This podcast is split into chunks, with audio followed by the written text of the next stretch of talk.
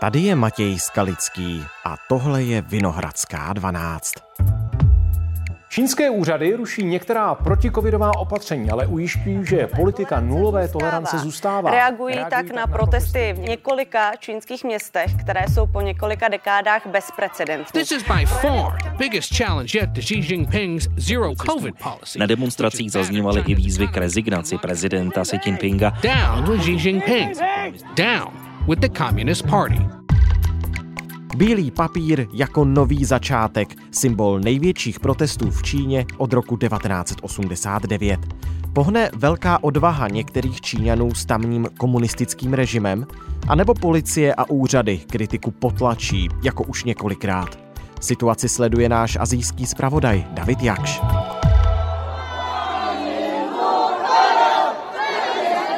Dnes je středa 30. listopadu. Zprávy z Číny v posledních dnech obletěly svět. Tisíce lidí v ulicích, skandování silných protirežimních hesel, dlouhá léta nevýdaná situace. Podle posledních zpráv ale čínský režim zasáhl. V ulicích jsou policisté a úřady procházejí kamerové záznamy. Vidina změny se vzdaluje. Dobrý den, Davide. Zdravím do Ázie. Přeji hezký den. Pojďme zrekapitulovat události posledních dní v Číně. Co ty protesty vyvolalo? No tak bohužel se zase opakuje takový ten scénář Made in China v krizových chvílích, čili úředníci, kteří tak horlivě plní příkazy z hora, čínští úředníci, že zapomínají na ty, kdo je ze svých daní platí a komu by měli být nápomocní. Ty poslední události zažehl, a to tedy doslova, bohužel, požár v několika podlažním obytném domě v Urumči, v hlavním městě autonomní oblasti Xinjiang na západě Číny. Lidí. Podle účastníků protestů nemohli utéct kvůli protikoronavirovým omezením. Čínská vláda Zemřelo tam minimálně 10 lidí, podle určitých svědků ti lidé uhořeli v domě, anebo se udusili a to všechno jenom proto, že úředníci vlastně svévolně uzavřeli, zamkli unikové východy a chodby v tom velkém, obrovském domě. Kvůli kterým oběti nesměli opustit hořící výškovou budovu. Protesty a to proto, že plnili příkazy. Příkazy, aby co možná nejdůsledněji zabránili lidem ve volném pohybu. To všechno kvůli prevenci COVID-19. Omezením. Úřady to popírají. Následné Tohle se stalo minulý týden ve čtvrtek a ještě v noci ze čtvrtka na pátek potom vyšli do ulic v Urumči stovky lidí lidí protestovali proti všem těm covidovým opatřením a volali tedy po potrestání vyniků a také potom, aby byly jasně označeny osoby, které za to nesou odpovědnost a byly potrestány. Najela autem. Zbytečné oběti, které odmítla nemocnice nebo se k ním nedostala včas pomoc, cestující, kteří se zabili v autobuse, když je vezl do karantény, lidé, kteří nesměli z domu ani při zemětřesení. Budovu. Protesty proti covidovým restrikcím se během víkendu rozšířily do dalších měst. V Šanghaji lidé požadovali i odstoupení prezidenta Xi Jinpinga a konec vlády komunistické strany. Podle no ty čínské protesty byly, musíme říct, na čínské poměry dost velké. Kdo všechno vyšel do ulic?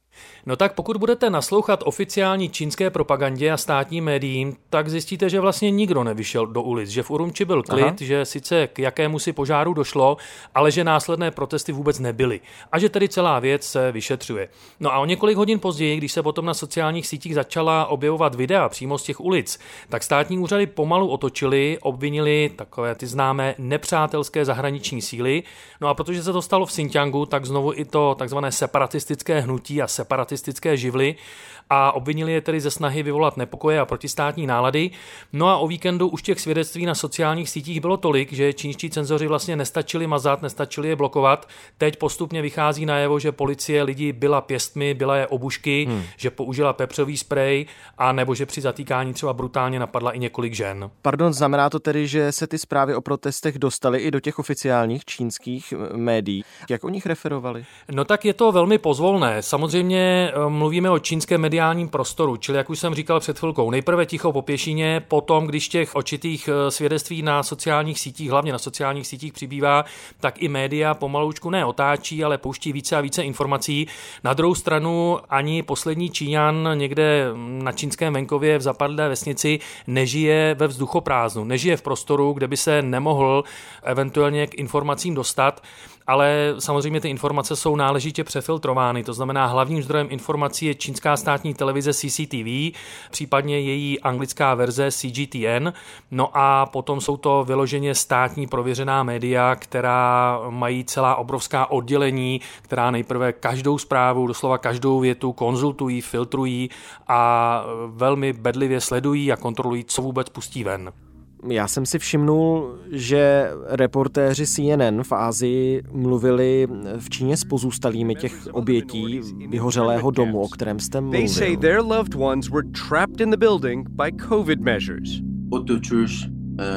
They could not escape because the fire escape was blocked, and the fire escape to the roof of the building was also locked. Accusation CNN cannot A zároveň v jednom článku jsem zaznamenal zajímavé heslo, které prý skandovali lidé napříč čínskými městy Dejte mi svobodu nebo smrt.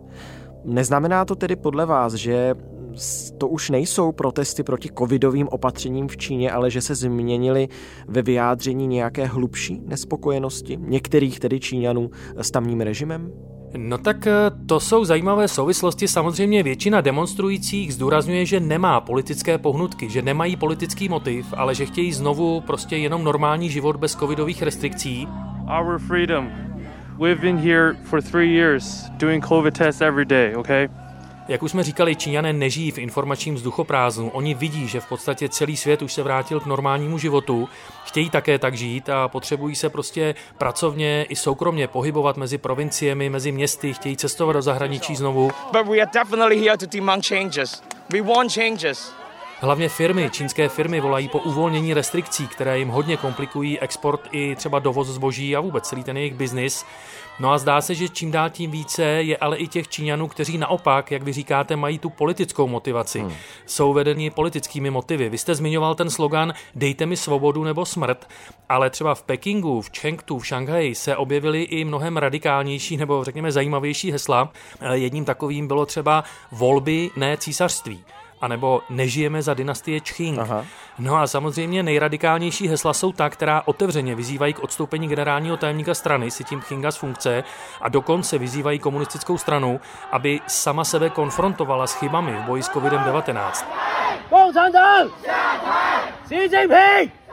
No a popravdě řečeno, na tenhle typ protestů mají čínské represivní složky, ať už vyšetřovatele, ale hlavně potom soudy, velmi přísné paragrafy. Ti lidé jsou velmi, velmi odvážní, pokud takováto hesla se jim objeví nad hlavou, nebo pokud s nimi jdou ven na veřejnost. Co jim pak hrozí? Zatčení, uvěznění? No tak je to ten trest v takovém tom typicky, řekněme, socialistickém nebo spíše komunistickém smyslu. To znamená nejenom, že je potrestán ten podle Číňanů konkrétní viník, čili ten, kdo s tím letím heslem přišel, nebo kdo ho propaguje, nebo kdo se obrací proti komunistické komunistické straně nebo spochybňuje její vládu, ale velmi často to dopadne i na rodiny. To znamená, jsou tam takové postihy, dejme tomu v otázkách různých povolení, razítek a tak dále. Číňan obyčejný neustále potřebuje od úřadu nějaká povolení a registrace a tak dále.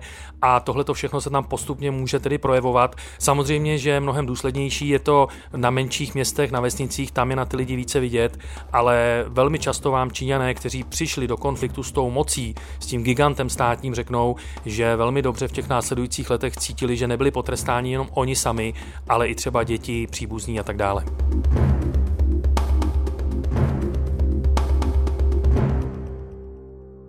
No ozvěny ty demonstrace mají také ve světě. Díval jsem se na fotografie z velkých měst, jako je australský Brisbane nebo Londýn a podobně, kde jsou čínští studenti, kteří studují tedy v zahraničí a kteří vyšli do ulic podpořit své příbuzné a další lidi z Číny. To je pravda, tohle je zase eh, poměrně složitý problém. Eh, my bychom asi čekali u nás v tom středoevropském prostoru, že se čínští studenti, kterých jsou miliony po celém světě, že třeba podpoří své kolegy studenty v Číně, ale ono to tak není. Ono je to velmi složité, protože ten, kdo vyjíždí vlastně z Číny studovat, tak eh, musí zase, respektive jeho rodiče, musí pozbírat spoustu povolení, razítek, je to velmi drahé a není žádným tajemstvím, že vlastně čínské ambasády po celém světě tak trochu dohlížejí na ty své studenty, na ty svoje krajany mladé hmm. a velmi často je i ovlivňují, aby tedy mluvili o Číně a tak, jak to tedy Peking chce, jak to centrální komunistická vláda chce a postavit se v nějakým způsobem na zadní v tomhle smyslu, tak je pro ty studenty velice riskantní. Znova to vyžaduje mimořádnou dávku odvahy. Těžko se to v tom našem středoevropském prostoru tohle to chápe, tomu rozumím. Psalo se také o tom, že to je skutečně protest mladých, kteří nechtějí žít v nesvobodné Číně. Určitě, čínská společnost se velmi mění a my někdy tu čínskou mládež, myslím tedy teď ty studenty, vysokoškolské studenty podceňujeme. Já jsem před chvilkou říkal, že oni jsou na jednu stranu velmi navázáni na ten svůj stát, na ten režim, na všechny ty úřady, ministerstva, díky kterým vlastně mohou vycestovat a ty peníze nejsou vždycky úplně všechno ani v té Číně.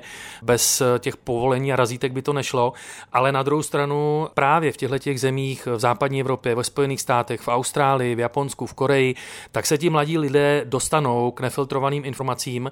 Já rozhodně neříkám, že všichni jim propadnou. Naopak, většina, naprostá většina čínských studentů se po studiích vrací zpátky domů.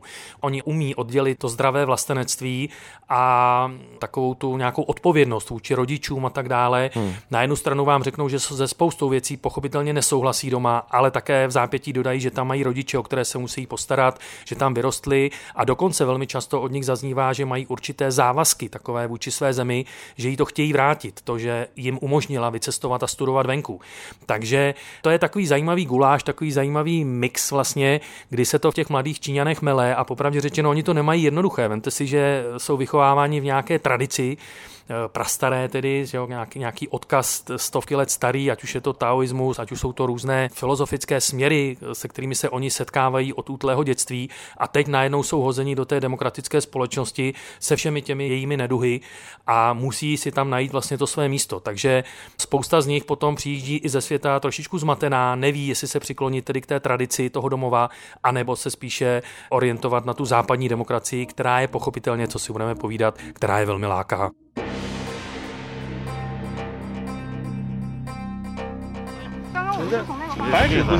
Na místo transparentů si sebou přinesli nepopsané bílé listy papíru symbolizující touhu po svobodě vyjadřování. It's being described by some as the white paper or A4 revolution after demonstrators held sheets of black paper Užívali už protestující v Hongkongu jako symbol mlčení a nesvobody projevu. Zpívají internacionál. Proč se staly symbolem těch demonstrací listy bílého papíru? No, bílý nepopsaný list papíru je v čínském veřejném prostoru a v literatuře i v historii symbolem naprosté čistoty. Vlastně něčeho, co ještě nezačalo, co leží před vámi a záleží jenom a jenom na vás, jak s tím nepopsaným papírem naložíte. Zda ho necháte prostě jak je, nebo vlastně tu šanci nevyužijete, a nebo jestli mu dáte nějakou podobu, něco na něj nakreslíte, nějak ho zbarvíte, co s ním prostě uděláte. No a na tohle téma se už na čínských sociálních sítích rozjeli zajímavé debaty. Ty debaty tedy bohužel nemají dlouhého trvání, protože cenzoři je rychle mažou. V těch debatách lidé predikují, že Číňané mají po mnoha letech znovu šanci něco změnit, popsat vlastně ten bílý list papíru. No a jiní v tom zase spatřují v protest vlastně proti informační cenzuře, proti mediální nesvobodě. Já si myslím, že to je taková ta košatost, ta symbolika, ten náznak, kterým je Čína vlastně proslulá a je to jeden z důvodů, proč třeba ta, ta symbolika, proč spousta západních lidí má tu Čínu tak rádu. Uhum. A Davide, proč naopak eh, z čínských oficiálních vyjádřeních slyšíme, že to tedy není revoluce eh, bílých papírů, ale barevná revoluce? No, to je ideologie. Tam vlastně čínská vláda tvrdí, že to je takzvaná barevná revoluce a to je špatné. Na to si musíme dávat velký pozor. Je to proto, že v čínském politickém prostoru, hlavně tedy na tom třeba čínském ministerstvu zahraničí, tajné služby, ministerstvo veřejné bezpečnosti, tam všude pracují analytici a celé skupiny, které bedlivě, doslova ve dne v noci sledují, co se děje ve světě. Peking má perfektní spravodajské informace o politické situaci a vůbec o náladách v mnoha zemích světa. Aha. Ve dne v noci vyhodnocuje, co z toho vyplývá pro Čínu a samozřejmě hlavně pro komunistickou stranu. Zda je to ohrožení, anebo naopak třeba šance pro Čínu se v těch zemích nějakým způsobem uchytit. No a ten pojem barevná revoluce, to je součást. E, takhle novináři i politici vlastně označují demokratické hnutí, takovou tu smršť politických revolucí, která zasáhla východní, jihovýchodní Evropu A myslím, že také Střední Asii vlastně v 90. letech vedla k pádu režimu a vlád. Na mátkou si vzpomínám Jugoslávii, Kyrgyzstán, Gruzii. No a tahle barevná varianta, vlastně jak lze přijít o moc a o sílu, no tak to je noční můra už několikáté čínské vlády, nejen té současné, nejen si tím Chinga. Takže Peking skutečně nebere to demokratizační hnutí ve světě nebo těsně u svých hranic třeba na lehkou váhu a Xi Jinping mnohokrát ve svých projevech už varoval spolustraníky, aby nepolevili v ostražitosti, aby sledovali, vyhodnocovali, informovali. Hmm. A mimochodem třeba čínští komunisté už několik let měli takové speciální analytické oddělení v rámci komunistické strany a to strávilo mnoho let bádáním toho, proč se rozpadl Sovětský svaz a snažil se z toho poučit. Aha. No ale od roku 89 to jsou skutečně ty největší protesty, asi které vidíme teď v Číně. Je to poměrně bezprecedentní událost. Jsou to největší protesty. Já si myslím, že, že můžeme tohleto srovnání použít, že to je vlastně od roku 89, od těch eh, známých událostí na náměstí Nebeského klidu, pravděpodobně největší projev takové občanské nespokojenosti. Pochopitelně, že najdeme v minulosti před lety nějaké podobné události, ale byly to spíše drobná ohniska a rozhodně to nezasáhlo tolik měst a hlavně tolik několik velkých čínských měst. Mm-hmm. A teď jsme tedy v situaci, kdy jsme několik dní sledovali demonstrace tisíců lidí ve velkých čínských městech, ale kvůli velké přítomnosti policistů v ulicích, jak už jsme říkali na začátku, se teď dostáváme do fáze, kdy zřejmě budou oficiálním režimem ty protesty utlumovány. Ono jde o to, že vlastně už na konci minulého týdne a teď, když spolu mluvíme, tak to neustále probíhá v Číně, pořádková policie eh, začala vlastně vyhodnocovat a dohledávat záběry z policejních kamer. Pochopitelně toho materiálu má spoustu ze šanghajských demonstrací, z pekingských, z Urumči a dohledává, tak jak to dělá vždycky, ty jednotlivé účastníky a dá se očekávat, že tihle lidé budou mít velké problémy. V tom se to hodně podobá třeba tomu demokratizačnímu hnutí v Hongkongu. Tisíce lidí v Hongkongu byli zpětně potrestáni potrestány třeba s odstupem jednoho až dvou let, když eh, policie dohledala ty záběry a identifikovala je, že se tedy tihle lidé účastnili těch protestů. Takže to už v Číně začalo. Dál pokračuje ta velká cenzura nebo ta horlivá práce cenzorů, o kterých jsme mluvili. Ono to někdy dochází až k úplným absurdnostem. Já mám takový příklad konkrétní třeba, když si teď zadáte na čínských vyhledavačích heslo Urumči Lu, neboli Urumčíská ulice, tak eh, zjistíte, že tenhle ten výraz je zablokovaný a je to z toho důvodu, že tak se přesně jmenuje ta hlavní třída v Šanghaji, na které se o víkendu odehrály ty největší protesty. Nicméně ta čínská cenzura je pořád menší zlo než tedy ty represe, které už eh, čínská pořádková policie rozjela. A ty represe si máme představit jak? Jak jsme říkali, tedy zatýkání, procesy, žádné velké eh, pouliční boje?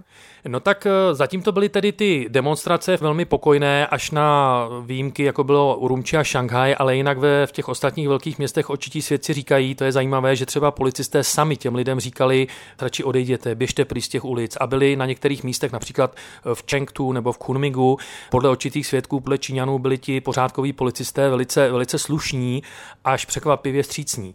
Ne všude samozřejmě. Ale pokud by se opakovaly velká schromáždění v čínských ulicích, tak je velmi pravděpodobné, že ten zásah, ten zákrok bude tentokrát tvrdší, že se bude více podobat tomu, co se dělo v Urumči, kde tedy policisté zbyli několik žen na chodníku, byli lidi obušky, použili pepřový sprej, byli je pěstmi, kopali do nich a tak dále. To je přesně ta silová reakce čínské policie, kterou je tedy bohužel prosulá. Pokud by došlo už potom tedy na konkrétní obvinění a soudy, tak je velmi pravděpodobné, že se dají asi čekat velmi přísné tresty, protože, jak jsme říkali, pokud zazní požadavek po odstoupení generálního tajemníka, to znamená spochybňování té vedoucí úlohy strany, tak to je, to je skutečně mimořádně závažný trestný čin v Číně.